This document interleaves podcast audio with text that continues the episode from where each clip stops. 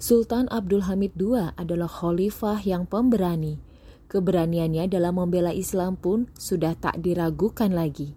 Contohnya, ketika ia menolak permintaan pendiri Zionis Israel, Theodor Herzl, yang meminta sebagian wilayah Palestina untuk bangsa Yahudi. Selengkapnya, tetap di channel podcast Narasi Pos. Narasi Pos cerdas dalam literasi media, bijak menangkap peristiwa kunci. Assalamualaikum Sobat Podcast Narasi Pos Media Jumpa dengar lagi bersama saya Sofia Aryani dalam rubrik Syiar Rubrik Syiar kali ini dengan judul Sultan Abdul Hamid II Benteng Terakhir Khilafah Utsmaniyah oleh Najwa Sakifah R. Julukannya adalah benteng terakhir Khilafah Utsmaniyah karena upayanya dalam mempertahankan persatuan dunia Islam. Bernama lengkap Abdul Hamid bin Abdul Majid bin Mahmud bin Abdul Hamid bin Ahmad. Sultan Abdul Hamid II lahir dan besar di Istanbul pada 21 September 1842. Ayahnya adalah Sultan Abdul Majid yang merupakan pemimpin kekhilafahan Utsmani dan ibunya adalah perempuan yang berasal dari Sirkasia, sebuah daerah di persimpangan Eropa Timur dan Asia Barat antara Laut Hitam dan Laut Kaspia yang bernama Tir-i Mujgan Kadin Effendi. Namun, di usia tujuh tahun, Ibunya meninggal dan Abdul Hamid kecil diasuh oleh ibu sambungnya, Pristu Kadin. Abdul Hamid kecil tumbuh di dalam istana Utsmani. Ia fasih menggunakan banyak bahasa seperti Perancis, Arab, juga Persia. Masa kanak-kanaknya juga bertepatan dengan masa Tanzimat, yaitu masa reformasi yang dimulai pada tahun 1839. Ayahnya, Sultan Abdul Majid, secara langsung mendidik Abdul Hamid kecil hingga tumbuh menjadi remaja kuat dengan kecerdasan luar biasa dan kepekaan sosial yang tinggi. Meski di masa kecilnya ia sering sakit dan fisiknya lemah. Sultan Abdul Hamid menjadi Khalifah Utsmaniyah dengan gelar Sultan Abdul Hamid II setelah pamannya, Sultan Abdul Aziz atau Murad VI pada tahun 1876 diturunkan dari jabatannya sebagai khalifah.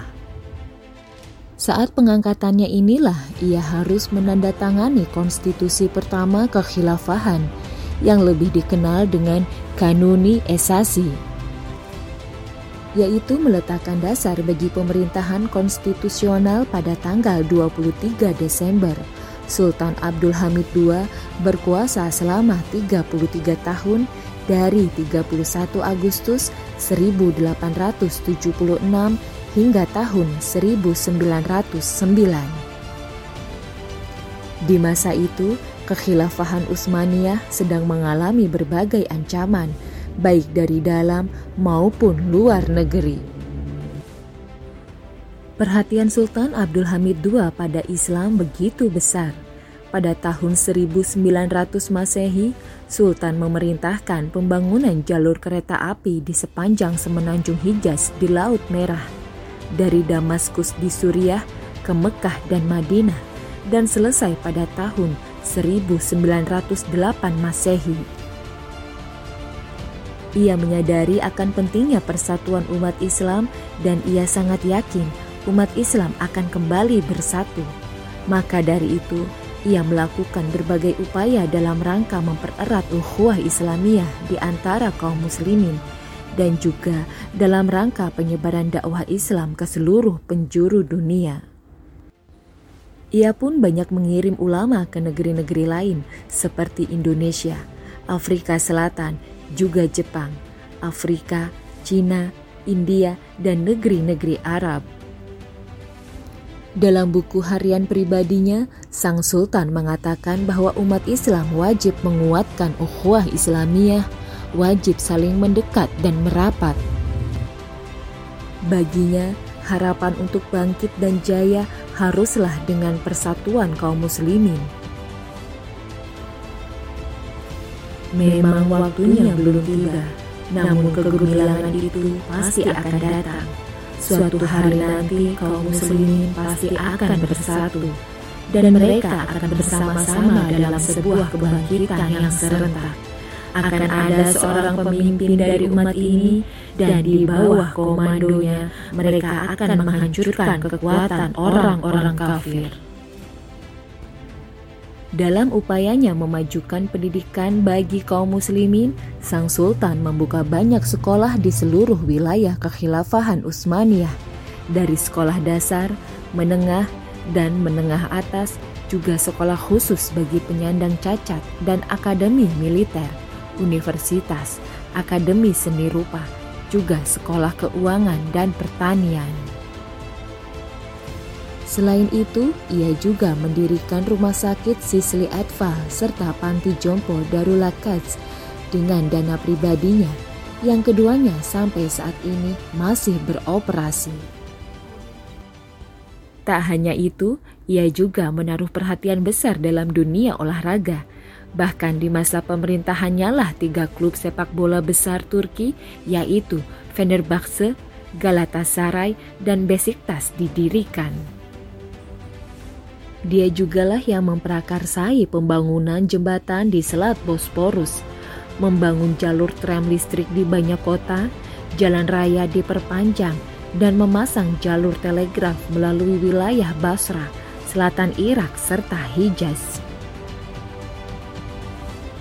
Sultan Abdul Hamid II adalah khalifah yang pemberani. Keberaniannya dalam membela Islam pun sudah tak diragukan lagi. Contohnya, ketika ia menolak permintaan pendiri Zionis Israel Theodor Herzl yang meminta sebagian wilayah Palestina untuk bangsa Yahudi. Permintaan itu dengan tegas langsung ditolak mentah-mentah oleh sang sultan.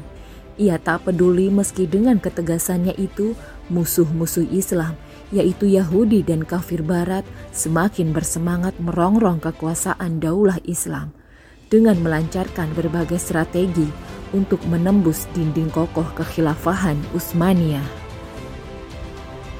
Peristiwa itu terjadi pada tahun 1892. Ada sekelompok Yahudi Rusia yang datang memohon izin tinggal di Palestina kepada Sultan Abdul Hamid II. Permohonan itu dijawab oleh Sultan bahwa mereka tidak diizinkan menetap di Palestina Mendengar jawaban seperti itu, kaum Yahudi kecewa dan meminta duta besar Amerika untuk ikut campur tangan. Pada tahun 1896, tokoh Yahudi Theodor Herzl datang kembali menemui Sultan Abdul Hamid II termasuk meminta izin membangun gedung di Al-Quds yang kembali ditolak dengan tegas oleh Sultan. Sesungguhnya daulah Utsmaniyah ini milik rakyatnya. Mereka tidak akan mengabulkan permintaan tersebut. Oleh karena itu, simpanlah kembali harta kalian dalam kantong-kantong kalian. Umat Islam telah berjihad demi tanah Palestina. Mereka telah mengalirnya dengan darah mereka. Yahudi dipersilahkan menyimpan kembali harta mereka. Apabila suatu saat kekhilafan Utsmaniyah runtuh, saat itu mereka bisa mengambil Palestina tanpa membayar sedikit pun. Akan tetapi, selama saya masih hidup, saya lebih rela menusukkan pedang ke tubuh saya sendiri daripada menyaksikan tanah Palestina dikhianati dan dipisahkan dari khilafah Islamiyah. Jawabnya, Sejak saat itu, kaum Yahudi Zionis terus melancarkan gerakan untuk menumbangkan sang sultan. Berbagai siasat licik dilakukan agar kekuasaan Sultan Abdul Hamid II bisa dihancurkan. Sang sultan bukan tidak tahu bahwa ia semakin terancam. Meskipun ia bisa melarikan diri ke Eropa, namun sebagai khalifah penjaga umat, ia tetap bertanggung jawab atas tugasnya tersebut dengan kokoh dan berani. Maka pada 13 April tahun 1909 terjadi pemberontakan selama 11 hari di Istanbul untuk menggulingkan Sultan Abdul Hamid II dan ingin menggantikan kekhilafahan Utsmaniyah dengan konstitusional.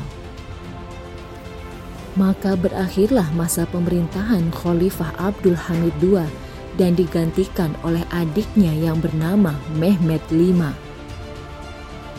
Pada malam ketika ia digulingkan, ia dikirim ke Thessaloniki di Yunani bersama keluarganya dan 38 orang lainnya. Namun, tiga tahun kemudian, pada 1 November 1912, ia dikembalikan lagi ke Istanbul dan tinggal di istana Beylerbeyi di distrik Uskudar, Istanbul hingga akhir hayatnya. Dan akhirnya ia meninggal dunia pada 10 Februari 1918 dan dunia pun berduka.